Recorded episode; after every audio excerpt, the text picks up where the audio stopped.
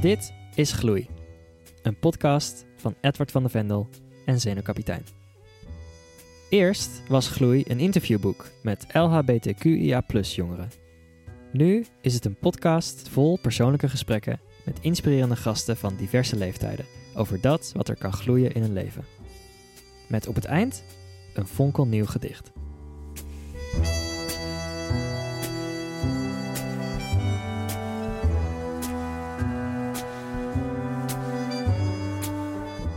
Helena Hogekamp is beeldend kunstenaar, dichter, performer en schrijver. Ze debuteerde begin dit jaar met haar veelgeprezen roman Het aanbidden van Louis Klaus. Helena is non-binair en gebruikt alle voornaamwoorden.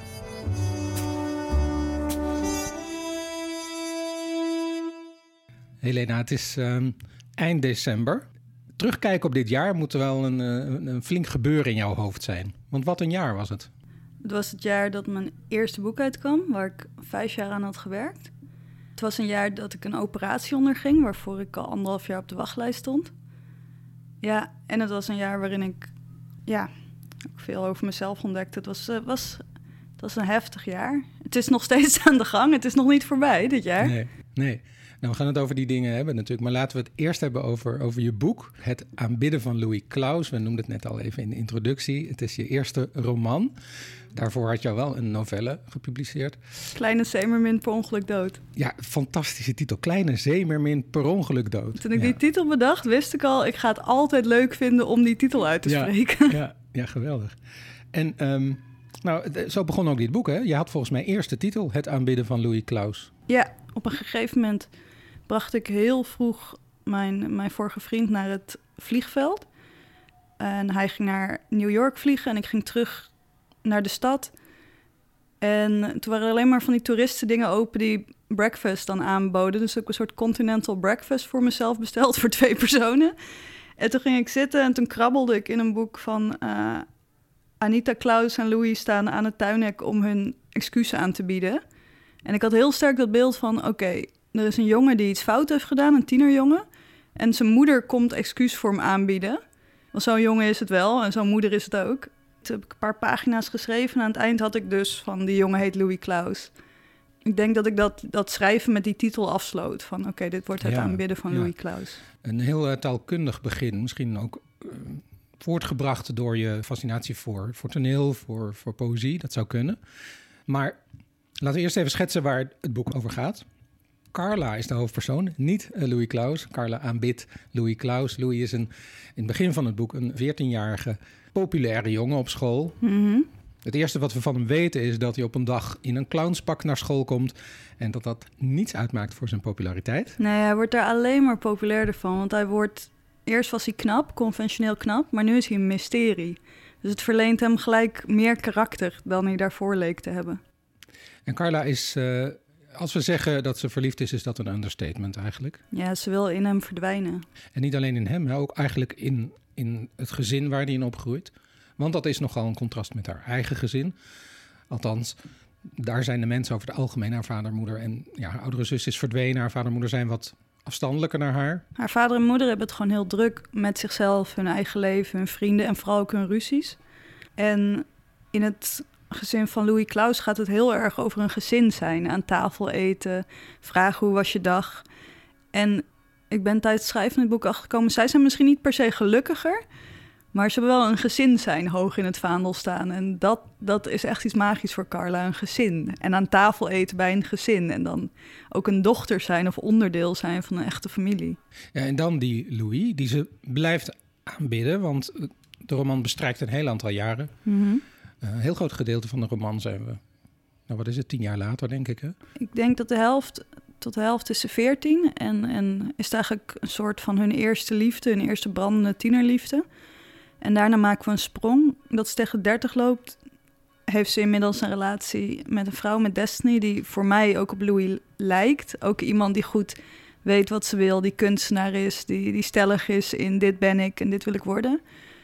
En als ze dan samen naar de film gaan en dan ziet Carla Louis op een bioscoopscherm en dan is ze in één keer weer die tiener van Louis is mijn oplossing. Ik moet in hem verdwijnen. Ja, iemand omschreef het in het Engels. En once again, she runs away from her problems by focusing on Louis. En door eigenlijk langzaam onzichtbaar te worden. Want dat, dat lijkt een beetje alsof ze steeds meer uit beeld, voor zichzelf uit beeld verdwijnt gedurende het hele boek. Ja. Was dat nou iets wat je van tevoren wist? Dat je het daarover ging hebben? Nee, ik dacht van tevoren echt, ik ga het over die jongen en die moeder hebben. Ik ga het hebben over abortus. Ik ga het hebben over ehm, ja, echt een moeder en een zoon. Ik was gewoon heel gefascineerd door het idee van een familie of een familieband. En ik was dus gefascineerd door Louis. En ik was gefascineerd door Louis' moeder. Dat was eigenlijk vanaf het begin ook al van het idee van... zou mijn moeder dat doen? Zou mijn moeder met mij naar een tuinhek gaan en sorry zeggen? Of snap je? Ik, ik wilde altijd al iets doen dus over familie, het contrast tussen twee families. Maar langzaamaan ging het steeds meer over van wie is dan de persoon zelf die dit allemaal voelt. Weet je, waarom, waarom is ze zo gefascineerd door die familie? Waarom is ze zelf... Weet je, waarom heeft dit boek zich niet alleen maar afgespeeld in haar eigen huis met haar eigen familie? Maar waarom heeft ze dat zo nodig? Iemand anders waar, waar ze naar kan verlangen. Ja, en ik kwam er niet echt achter. En ik heb ook geprobeerd hem meer zichtbaar te maken. En ik heb ook wel scènes geschreven waarin ze meer in de wereld was, maar dan werd ze ook gelijk agressief. Dan was ze gelijk ook een soort van dat ze meer aanwezig was door iemand een klap te geven of zo. Op zich niet gek, want als je, dat, als je, als je nu haar leest, dan denk je, dan wens je haar toe dat ze af en toe iemand een klap zou geven. Ja, hè? Ik, had, ik had ooit een scène dat ze echt Louis een goede stoot voor zijn neus geeft. Dat hij echt een bloedneus heeft. En dat hij eigenlijk ook een film op de filmset moet verschijnen volgende dag. Dus dat dat echt een probleem is. Alleen, uh, mijn moeder ging dood terwijl ik het boek schreef. En daarom vond ik dingen met boosheid heel moeilijk. Uh, ja, ik wilde zelf niet boos zijn omdat ze dood was. Ik wilde niet boos zijn op mijn moeder. En ik merkte ergens ook dat ik dan ook niet boos zou zijn in mijn boek. Ah. Ja. Nou is het zo eh, dat het natuurlijk belachelijk is om onderscheid te gaan zitten maken in dat wat er in het boek is gebeurd en wat er in het echt is gebeurd. Maar je hebt zelf al wel in interviews gezegd, het is toch een mengeling van fantasie en, en werkelijkheid. Ik heb hier elke dag aan gewerkt, uh, terwijl mijn moeder op sterf lag. Ik zou niet beweren dat dat niet heeft beïnvloed hoe ik dat boek schreef. Nee. Het is net alsof je elke dag een foto van je maakt, dan zie je ook hoe je gezicht staat en, en waar je op dat moment met je hoofd bent. Ik was op dat moment wel bij mijn, met mijn hoofd bij familie en uh, ook zelf mijn poging om nog heel zichtbaar te worden voor mijn moeder. Om nog te zeggen van, nou, dit ben ik. Maar mijn moeder uh, had daar niet, ja, die had daar niet zo'n behoefte aan. Die wilde gewoon rustig doodgaan. Dus die was juist uh, zo van, nou, er zijn dingen waar we het wel over gaan hebben, er zijn dingen waar we het niet over gaan hebben. Dus ik denk dat onvermogen om die gesprekken die je eigenlijk wil voeren, dat is heel erg in mijn boek gekomen. er zitten heel veel momenten in mijn boek uh, dat Carla en haar vader ook zo van die non-gesprekken voeren. Weet je, het was eigenlijk willen zeggen van ik mis je, ik hou van je, maar in plaats daarvan gaat het over wat de kennissen hebben beleefd. Uh, ja, ik hoop niet dat ik het nu te triviaal laat klinken, maar voor mij was het wel heel belangrijk dat al die gesprekken net niet lukken in dit boek. Ja.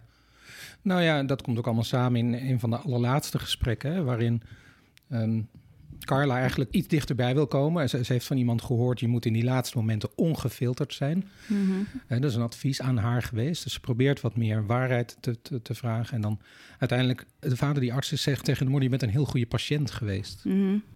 Wat behalve uh, pijnlijk ook best grappig is, maar vooral toch pijnlijk. En ook grappig. Ja. Mijn vader is dokter uh, en mijn moeder ging echt dood. En het was ook afschuwelijk, maar het was soms ook heel grappig. Dat onvermogen om, om iets echt te zeggen tegen elkaar. Ik dacht eigenlijk dat je ging vragen over dat laatste gesprek dat Carla en haar moeder hebben. Want daarin zegt Carla, mam, heb jij wel eens gedacht dat ik lesbisch ben? En dan zegt moeder, nee, nee, nee, nooit, nee, nee. Van je zus misschien? Ja, nee, ze zegt ook, en je zus ook niet. Oh, nee, dat wordt niet. ook Nee. gelijk eventjes zo van... En dan zegt uh, Carla, die op dat moment al een vriendin heeft... en eigenlijk aan het peilen is van... ga ik, ga ik die nog voorstellen aan mijn moeder voordat ze sterft? Van laatste kans. En dan zegt die moeder gelijk... nee, dat moet je niet uitzoeken. Nee, nee, nee, nee, daar komt gedonder van. En dan besluit Carla dus eigenlijk heel instinctief... nou, ik ga mijn vriendin niet voorstellen. Dus dan loopt ze zelf ook een beetje de laatste kans mis aan haar moeder... om uh, zichzelf te laten zien, zichzelf te laten kennen. Die moeder zal haar niet kennen op die manier voordat ze sterft. Maar die moeder heeft er duidelijk ook helemaal niet zo'n zin in om op die manier te kennen, snap je? Ja, nou hiermee komen we op een aspect wat uh, misschien, uh, zeker in de eerste ontvangst van het boek, een beetje uh, achterwege is gebleven, namelijk het queer aspect van het boek. Mm Nou, ik moet ook zeggen dat ik heb getwijfeld of ik het dan wel het aanbidden van Louis Klaus moest noemen. Want ik, ik wist op een gegeven moment zelf ook wel, terwijl ik het schreef. Ja, ik heb het niet zo bewust geschreven, maar op een gegeven moment waren er steeds meer scènes over meisjes, over liefde voor vrouwen, over die vriendin. En toen dacht ik wel even, moet ik het dan het aanbidden van Louis Klaus noemen? Uh, want dan is dat niet het eerste waar je aan denkt bij de titel. Nee. Ja. Maar waarom heb je het niet veranderd dan? Um, ik heb er even een moment gehad dat ik het gewoon Hunker wilde noemen. Maar weet je, het gaat wel ook echt over...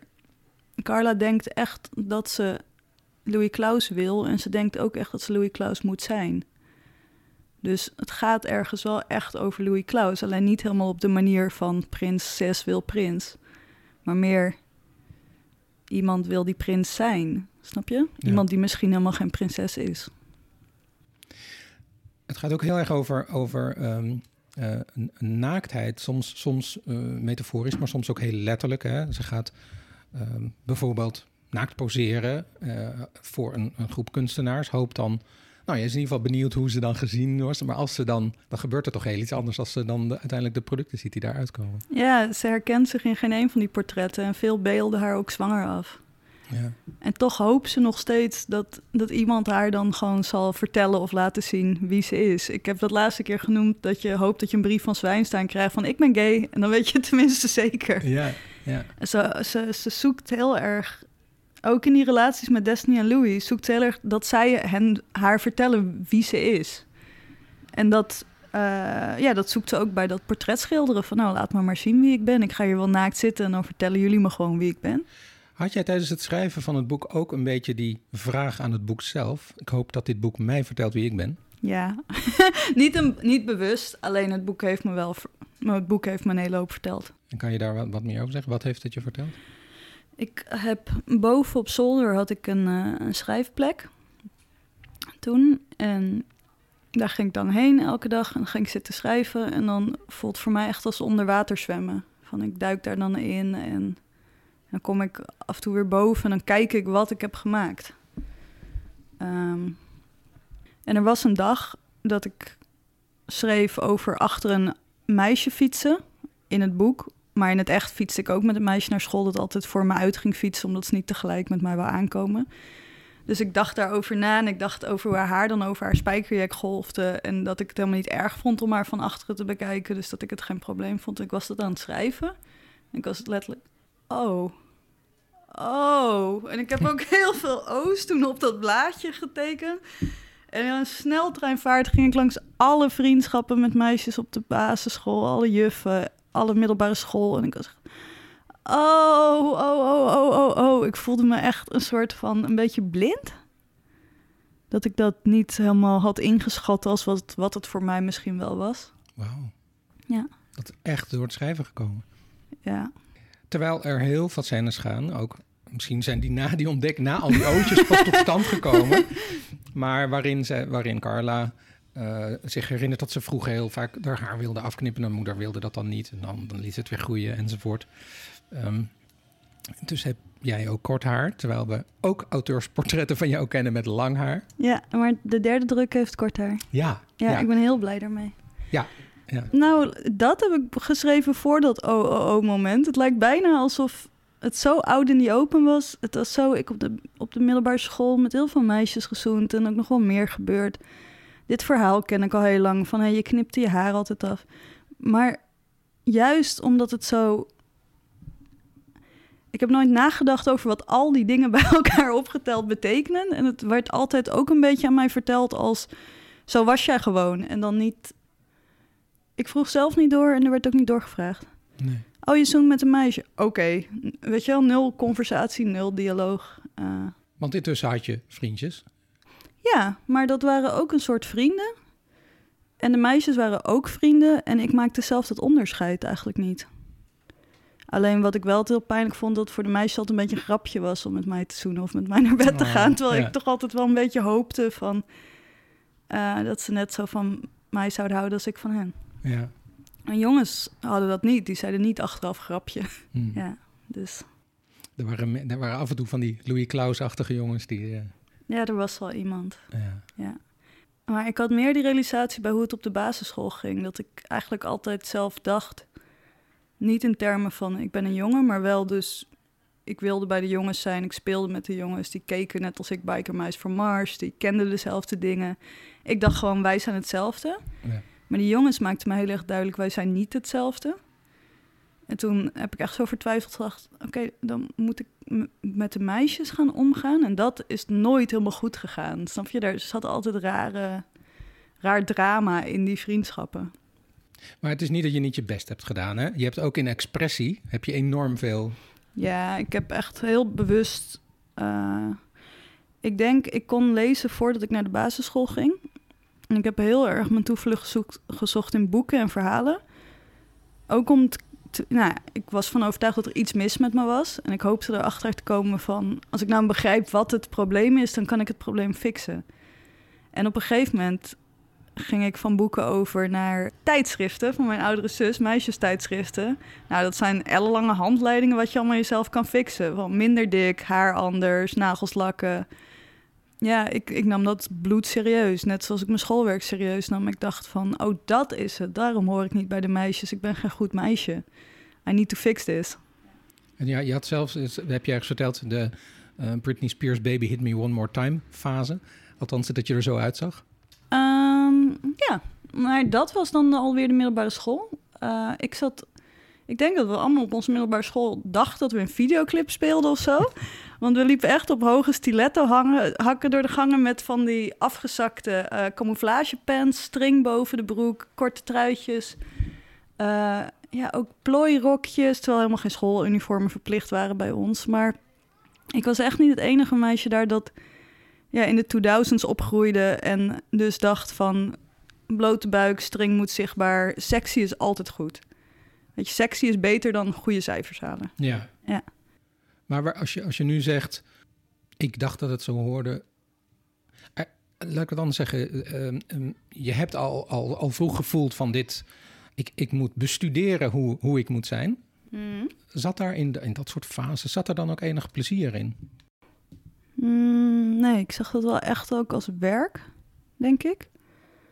Maar ik had wel plezier als ik dacht dat het gelukt was. Snap je dat ik zo'n heel goed Britney Spears pakje had gecreëerd voor mezelf? Dan had ik voordat ik naar school ging in ieder geval het geluk dat ik dacht, nu gaat het lukken. En dan op school was ik nog steeds awkward en weird. Dus dan was dat helemaal niet gelukt, zo gezegd. Maar ik denk wel dat ik zeker de middelbare school als mijn catwalk gebruikte. Als een soort... Want ik ging eigenlijk zelf in een clownspak naar school. Daar heb ik het idee van. En dat is waar mij een beetje... niet het einde kwam aan het idee ik moet sexy zijn... maar wel het einde aan eh, ik moet Britney Spears zijn. Snap je? Ik voelde veel meer vrijheid daarna. Maar is dat dan ook minder gebaseerd op vrouwelijkheid? Is dat iets genderneutraler geworden toen? Ik had meer het gevoel dat ik mezelf een beetje buiten de s- middelbare schoolhierarchie plaatste. Snap je? Ik was niet meer echt een alto. Ik was niet, ook niet heel duidelijk een van de, mean de hot sexy mean girls. Eh, ik was zelfs niet duidelijk een niet jongen. Weet je, ik kon ineens ook weer gewoon makkelijker met alle bros optrekken. Met alle gym bros. ik weet niet, ik, ik mocht ineens weer meer voor mijn gevoel. Want ik hoorde toch niet echt ergens bij. Dus ik hoefde ook niet bij een vast groepje te gaan staan. Ik kon een beetje tegen iedereen aanpraten. Dus dat, dat voelde wel even als een luxe periode. Zo laatste jaar middelbare school van oké, ik heb het soort van opgegeven. Maar dat heeft ook veel vrijheid gegeven. Ja, dat voelde even, zeg jij. Ja, want toen ging ik psychologie studeren. En ondanks hoge cijfers word je niet serieus genomen als je een luipaardpakje draagt. Bij een, eh, prop, ik heb mijn proppenduizen in ontvangst genomen met een, in een luipaardpakje met een staartje eraan. Hm. Nee, dat is dan niet dat mensen... Dan kijken mensen niet naar je cijfers. Nee, zo heb je ook eindexamen vlak daarvoor dan gedaan in een bruidsjurk met zwaard. Met een piratenzwaard dat ik toen om. Ja, en toen werd er dus wel naar mijn cijfers gekeken. Dat is het ding als je... Ik kom uit Zandam, best een close community. En het was ook nog een middelbare school die niet zo groot was. Op een gegeven moment wist iedereen wel wie ik was. Snap je? Dus dan maakte die verkleedkleren ook niet meer uit. Dan haal je gewoon hoge cijfers op je eindexamen... en dan gaat het toch wel daarover, meer dan over zo'n bruidsjurk. Ja. Ik vind het zo bijzonder dat, je, dat, je, dat dit natuurlijk jaren van verwarring moeten zijn geweest. Zoals de tienerperiode, puberteit voor iedereen verwarring brengt. Maar Mhm. misschien voor sommigen meer dan anders. Maar bij jou toch ook durf? Dat is grappige. Ik kreeg toen ook al vaak, uh, ja, dan gingen mensen die ik niet kende mij aanchatten en zeiden dat ik moedig was of zo. Maar op een gegeven moment de school is niet zo groot, dus dan weet je wel wie dat is. Nou, je kent diegene wel. Alleen, ik dacht altijd dat het. Ik kon niks anders bedenken dan dat om een probleem op te lossen, snap je? Dus ik dacht niet, ik ga moedig zijn. Ik dacht, ik heb een probleem en dat moet ik oplossen. En mijn oplossing is uh, van zichtbare string overstappen op clownspak. Dat voelt voor mij dan als de logische oplossing en niet als de gedurfde oplossing. Nee. Wat was het dan waar je, waar je een oplossing voor moest vinden? Nou, dat ik op de basisschool er gewoon dat ik geen vrienden had, eigenlijk.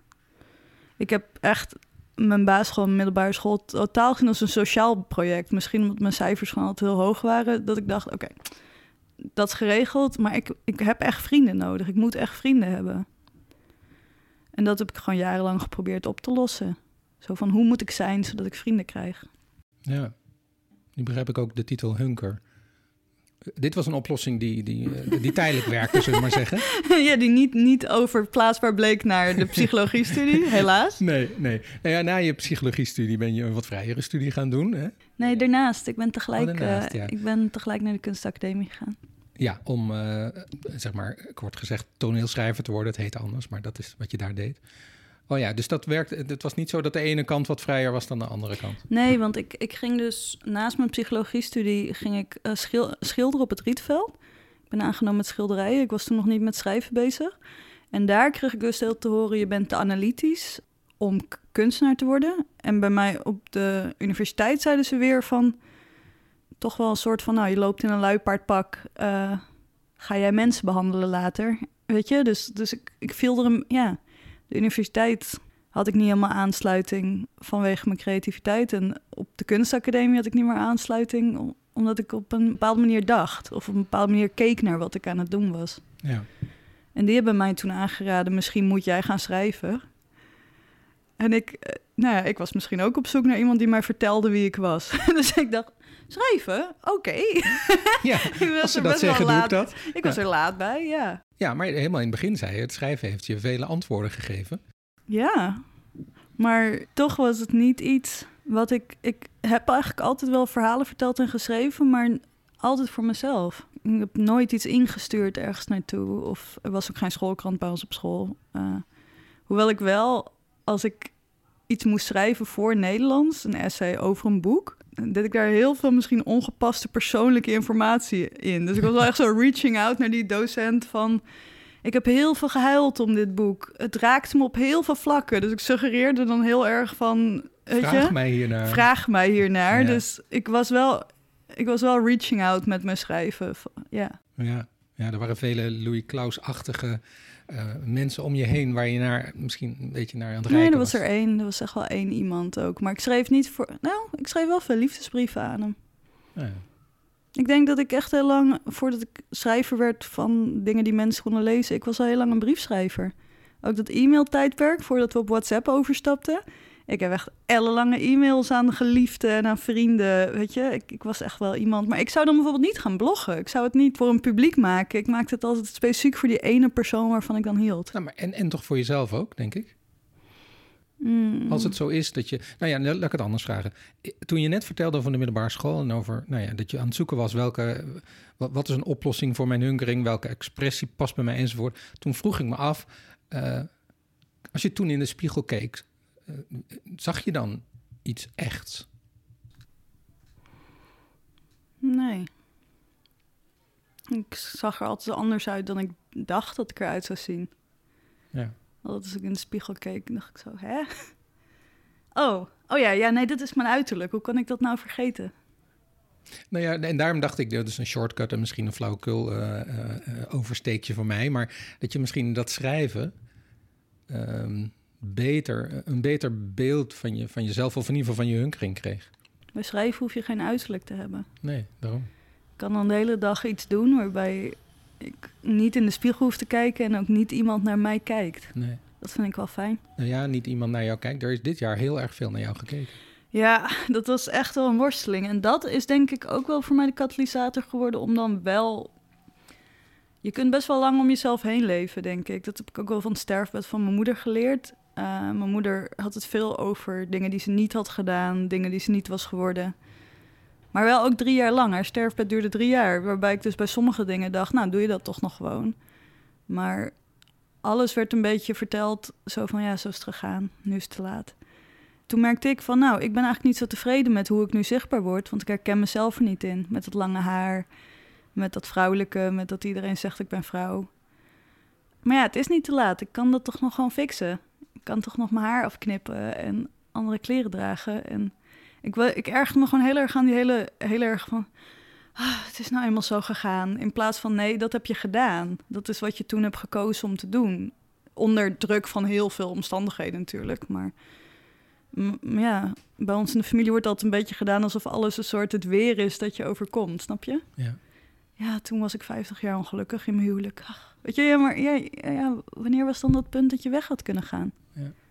Is dit een. Waar, drijf ik nu te ver af? Nee, nee dat, dat is precies wat, natuurlijk wat, wat niet alleen maar het boek schrijven, maar ook het boek gepubliceerd hebben, waarschijnlijk met je gedaan heeft.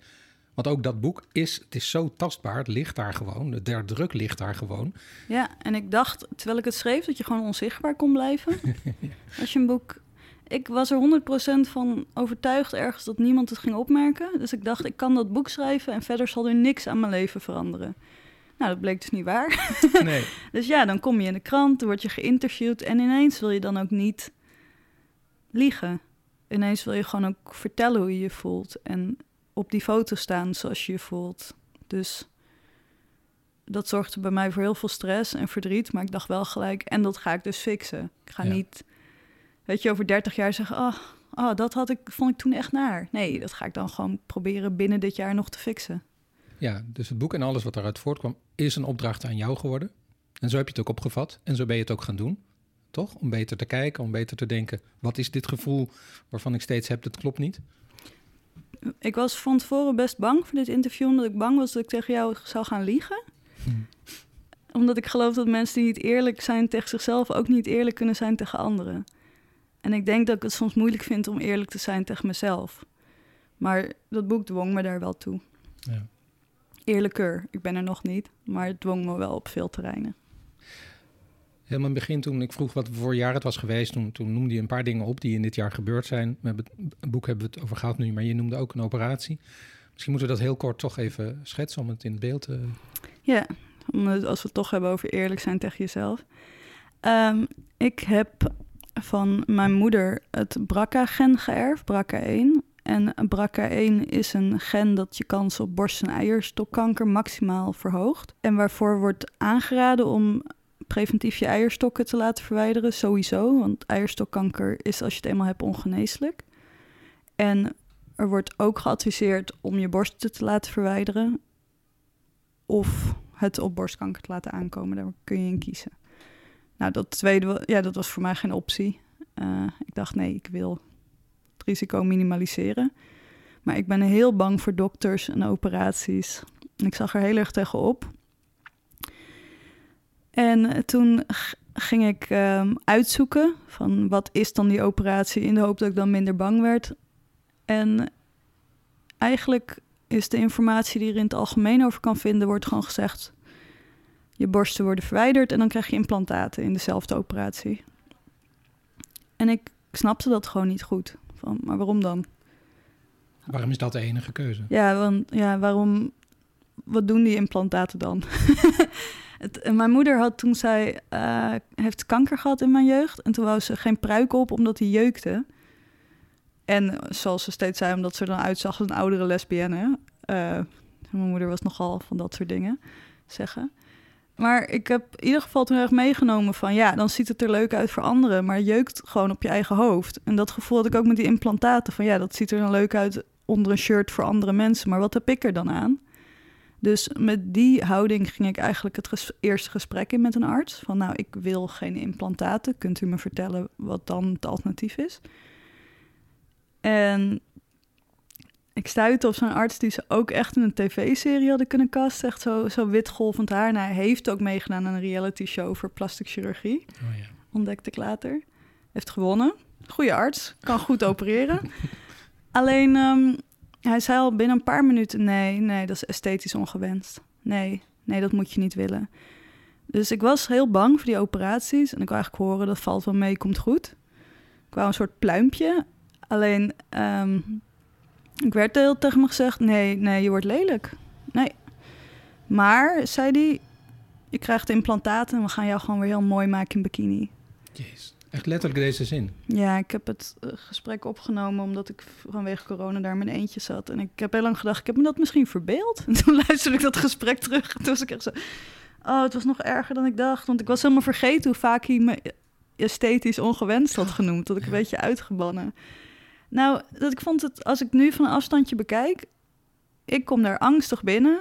Hij ziet in zijn ogen een vrouw. En hij denkt, ik ga die vrouw troosten. Ik ga zeggen, jij wordt niet lelijk. Jij krijgt zulke mooie implantaten. Jij, jij zult gewoon nog hartstikke sexy zijn, hoor. Ja. Dat, dat, iemand dan bedenkt van, dat gaat troostend zijn. Als je maar tegen een vrouw zegt, je wordt echt niet lelijk, hoor. En als die vrouw dan, uh, of in ieder geval in zijn ogen vrouwpersoon, dan zegt... Ik wil, ik wil dat niet, ik, ik wil geen implantaten. Kunt u me daar even over voorlichten? Dat je dan zegt, nee, nee, dat is lelijk. Dat moet je niet willen, dat is lelijk. Ja. Dus dat ik, want het echt, ik verdween helemaal in dat gesprek. Ik ging gewoon ergens daar boven hangen. Ik vond het bij terugluisteren luisteren mijn stiltes ook echt pijnlijk. En pijnlijk hoe ik probeer als een soort brave dochter die man dan nog op zijn gemak te stellen van oh, oh oké, nou. En uh, implantaten, is dat dan veel werk? Ik, ik probeerde echt een soort voor hem het gesprek leuk te houden, terwijl ik daar echt ja, een beetje uit mijn lichaam trad. Ja. Ja. 45 minuten, dat is lang. Ja, dat is heel lang. En dan moet je ook nog je shirt uittrekken en dat hij even je borst gaat wegen en oh, daar nog iets over gaat zeggen van... Uh, ja, maatje kleiner moet je niet willen hoor. Ook zonder vraag of zo. Van nu heb je een mooi maatje. Het was echt. En toch, ik blijf maar denken: deze man heeft veel mensen geholpen. Veel vrouwen zijn blij met hem. Dus ik dacht gelijk: dit ligt aan mij. Ja. Je hebt hierover een interview met Trouw gegeven. Daar heb je een aantal dingen in gezegd. Daar zeg je bijvoorbeeld ook toen dat proces verder ging en toen ik moest besluiten wat ik dan wel wilde, toen je moest reageren op, op nou, die, dat verschrikkelijke gesprek, mhm. toen ging je steeds meer naar de non-binaire kant. Nou, het was grappig. Het, of nou, grappig. Is het grappig, though? Um, ik heb daarna gebeld. Misschien meer dat hele zonder te reflecteren. Net zoals ik soort van met allemaal meisjes zoende en nooit dacht ik ben lesbisch nu dacht ik weer, dit is, was echt afschuwelijk. Ik ga bellen voor een andere arts. En dan ga ik zeggen dat ik geen man wil en geen borst. Dus eigenlijk heb ik zelf alle dingen gezegd... waardoor het ziekenhuis dacht, we zetten je bij een genderchirurg. Maar zij hebben dat niet echt aan mij laten weten. En ik heb het niet bewust bedacht. Dus toen kreeg ik een voorlichting met een arts... waarvan zij zei, die staat iets meer open voor jouw wens. En toen zat ik bij een arts met een PowerPoint-presentatie met transmannen... waardoor ik in dat gesprek oh. en ja, en die arts begon me gewoon zonder ook trans te noemen, zonder die woorden te gebruiken, die begon me gewoon de procedure uit te leggen, die voor mij dan hetzelfde zou worden als voor een transman. En toen ben ik dus gaan nadenken en gaan lezen en verhalen gaan opzoeken over gender. En ontdekte ik het woord non-binair. Allemaal dit jaar? Yep. Ja. Wacht, het is niet allemaal dit jaar, want um, het was, dat gesprek met die artsen was in 2020 in corona, dus het was meer twee jaar. En ik heb al een moment gehad daarvoor. Rond de tijd dat ook dat moeilijke gesprek met die arts zat, dat ik zelf dacht, misschien ben ik trans, maar er nog te weinig van wist. En toen heb ik iemand die ik ken die trans was gevraagd of diegene koffie wou drinken. Om er proberen achter te komen van hoe, hoe wist jij dat dan? Ik was toch weer op zoek naar die brief van Zwijnstein. Ja ja. die niet kwam. Maar ik werd wel zo keihard van, uh, ja, je kunt wel zelf het onbenoemd willen laten, maar deze doktoren noemen je nu een vrouw en willen je borsten geven. Dus nu moet je wel zeggen dat je dat niet wil en misschien ook waarom je dat niet wil. En dat hele gesprek wat ik niet wou voeren, moest ik wel gaan voeren, omdat ik ineens, uh, omdat er in mijn lichaam zou worden gesneden. Uh, nu, nu, nu, zeg je tegen mensen, ik ben non-binair. Je hebt zelfs, tenminste stond ook in het interview, je hebt besloten om het, omdat het niet zichtbaar is. Om het wel te zeggen, ja. Om het meteen te zeggen als je nieuwe mensen leert kennen. Nou, nee, niet meteen. Ik ben het in dat ziekenproces toen heel erg gaan zeggen tegen de artsen. Maar ik worstel nog steeds wel met denk soms, doordat ik al zo lang het gevoel heb gehad dat mijn leven een beetje een soort rare droom is of zo, dat ik niet helemaal echt besta. En ook niet in verhalen die ik lees, daar leek het ook niet te bestaan, wat ik dan voel. Dat ik het ook bijna denk van, mag ik dit wel zeggen? Is dit wel echt? Ik worstel nog steeds mee met de vraag, ben ik dit echt? Omdat ik het hele idee van besta ik wel heel ingewikkeld vind. Besta ik wel? Ja. Hoe concreet bedoel je dat, die, die twijfel? Ehm. hoe weet jij dat je bestaat? Ik weet het niet, maar ik denk dat deze vraag nog nooit in mijn hoofd is opgekomen. Dus misschien is dat dan waarom ik het weet. Ik denk er veel over na. Ik denk veel aan de boeken die ik als klein kind las. En dat daar dan nooit mensen in leken te zitten die zich op dezelfde manier raar voelden als ik. Behalve één boekje, één klein boekje, dat ik ooit heb gevonden, waarvan ik dan later ook dacht, heb ik dit boek gedroomd, maar het bestaat echt. Welk, welk boek was dat? Dit is wel interessant, want ik heb toen ik klein was dus een boekje gelezen uh, dat heette De Verborgen Prins. En dat ging over een kindje dat speelde met haar buurmeisje dat ze een prins was. Alleen voor dat kindje was het geen speler, voor dat kindje was het echt. Ja. Dat buurme en voor het buurmeisje niet. En dat leidt dan tot een pijnlijke, verdrietige breuk tussen hen. Uh, ik heb het boekje onlangs besteld. En het blijkt een pse onder pseudoniem van Carrie Slee te zijn geschreven. En ik was echt Carrie Slee, omdat Carrie Slee op een andere manier een heel spoor door mijn Ja. leven heeft getrokken met andere soorten boeken waarin ik juist mezelf helemaal niet herkende. Nee, spijt en weg, heel heftige boeken. Ik was het eerste kind dat een boekbespreking deed in groep 4. En ik had me daar echt al de hele zomervakantie, ik had allemaal boeken gelezen en dan bedacht over welk boek zal ik het doen. Het was echt, ik had er heel veel zin in. En toen wou ik eerst de wereld volgens Sharp doen, maar dat mocht niet. Van John Irving, boek voor volwassenen. Ja. Dat mocht niet van de juf, dat vond ze een volwassenenboek. En toen had ik dus gedacht, ik moet een kinderboek kiezen. En toen had ik Spijt gekozen. En toen kwamen in Spijt pleegt een jongen die gepest wordt zelfmoord. Als decor voor het liefdesverhaal van de twee leuke, eh, vlotte, eh, heteroseksuele kinderen. Ja, goed. In ieder geval, er kwamen echt, er werden echt vragen gesteld. Eh, juf had me volgende dag apart genomen dat ouders de school hadden gebeld, want er waren kinderen thuisgekomen met. We hebben vandaag een verhaal over zelfmoord gehoord in de klas. ja, jullie waren zeven, groep vier. Groep 4, ja, dan ben je achter, geloof Zeven ik. of acht, En ik was juist heel trots, zo van, ik heb ze de realiteit getoond. Oh, ja. Maar in ieder geval, wat ik aan spijt zo heftig vond, was dat ik me veel meer identificeerde met het kind dat gepest werd, want ik werd gepest. En ik had uit spijt begrepen dat ik zelfmoord moest plegen. Snap je? Oh, Van, ja, ja. Het verhaal ging niet, voor mijn gevoel, over het gepeste kind. Nee. Dat was echt het decor voor het liefdesverhaal van de helden. Ja. Dus daarom vind ik het heel grappig dat, dat Carrie Slee ook een boek heeft geschreven... wat veel dichter bij mij lag. Van eh, een prins spelen of een prins zijn. Ja, ja, ja waar, waar spijt vrij hard was en waar eigenlijk de boodschap was van zorg maar dat je nooit gepest wordt, want dan eindig je dood. Dat is zo'n beetje, als je het simpel oppakt, dan is dat het. Dat is een beetje... Ik had ook in dezelfde tijd eh, geleerd over Vincent van Gogh. Dus ik had sowieso nog het idee... als je afwijkt, dan moet je uiteindelijk zelfmoord plegen. Ja. Ja. Heeft dus ook onder haar pseudoniem, volgens mij is dat Sophie Milo, heet ze dan, eh, een veel eh, tastender, warmer verhaal geschreven. Nou, een verhaal, wat ik bedoel, dat eindigt ook niet goed, hè? Uiteindelijk Oh, wordt, eh, wordt de, de, de prins wordt dus een soort geout eh, door, door dat speelkameraadje. En dan vindt iedereen de prins stom. Maar ik herkende gewoon wel de hele... Ik had ook een soort van... Mijn eerste zoenen en aanrakingen waren ook met een ander meisje. Ook die leeftijd. En voor mij was het ook allemaal geen spelen. En dat meisje heeft nooit zo duidelijk gezegd van... voor mij is het wel een grapje.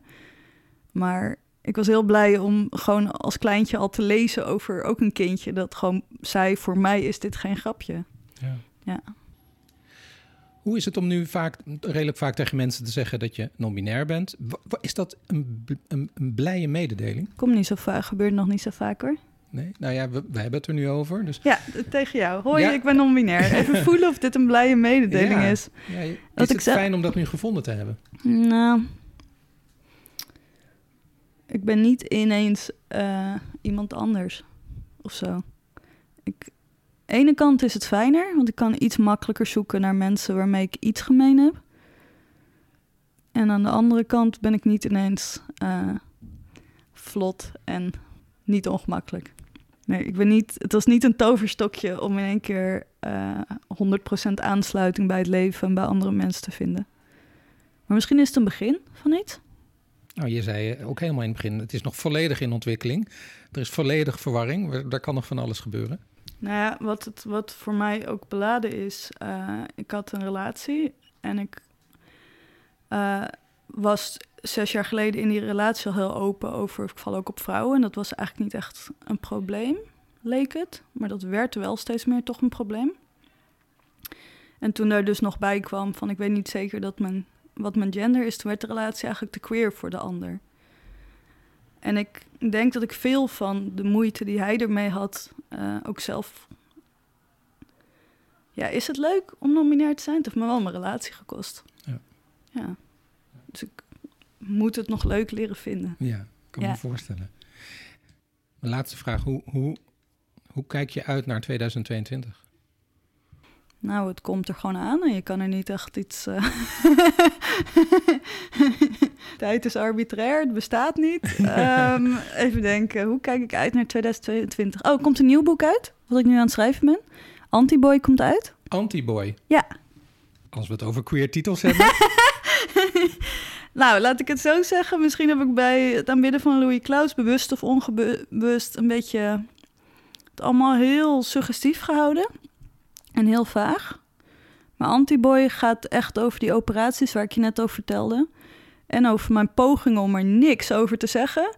En hoe dat echt onmogelijk bleek. Weet je, ik, Antiboy gaat eigenlijk over dat ik wel kan denken: ik ga niks zeggen over gender, mijn hele leven lang niet. Ik ga gewoon doen of ik geen gender heb. En weet je, maar ja, dan komen ze met een operatie waarvan ze zeggen dat is wat vrouwen willen. Vrouwen willen borsten. En toen moest ik het wel zeggen. En dat ging niet echt samen met mijn hele ik besta niet, ik leef in mijn hoofd, ik ga gewoon niks zeggen. dus toen wou ik het wel opschrijven. En daar zit ik nu middenin. Ik, ja, ik ben nu antiboy aan het pennen. Geweldig. Daar kijken we enorm naar uit. Ik in ieder geval wel. Fijn. Dankjewel, Helena.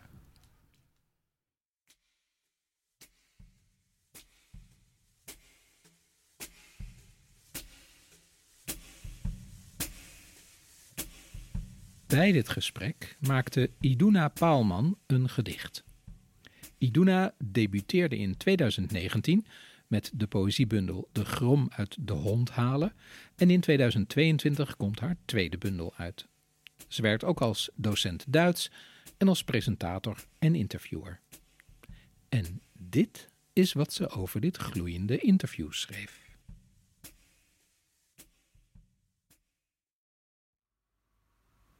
Terugvordering. We willen de klap, we aanbidden de klap. De touwige schommel, de klap raakt je bijna. Niet boos, wat wil je de stervende zeggen?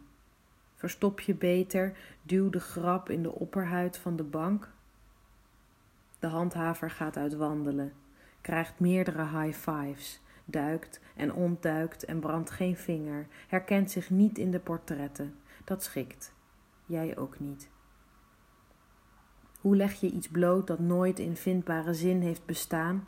De dokter heft zijn hand. Jij krijgt de mooiste borsten. Niet bang zijn, je lichaam wordt zoals het was. Je lichaam zal terugkomen. Het lag zo mooi uitgewaaid over de motorische mogelijkheden. Wij zijn niet hetzelfde, zeggen de jongens. We verwarren moed met het luipaardkostuum. Applaus is de zoveelste oefening in slagvaardig zijn het sociale project dat we werden. Wanneer mogen we naar huis? Voor deze woorden heb je geen uiterlijk nodig. We zien het meisje en we zijn niet te laat om het op te lossen. Zolang we het kunnen oplossen, zijn we esthetisch terugvorderbaar, gewenst zelfs. Je wordt echt niet lelijk. We halen uit en dan kan het aanbidden beginnen. Strandt dit gesprek op levensstijl? Krijgt de geest van de bloem de klap? Wie claimt deze ontdekking? Mag je jezelf kreukvrij in een zak tuinaarde proppen? De vraag of je bestaat blijkt telkens vooral bij je eigen hand te horen.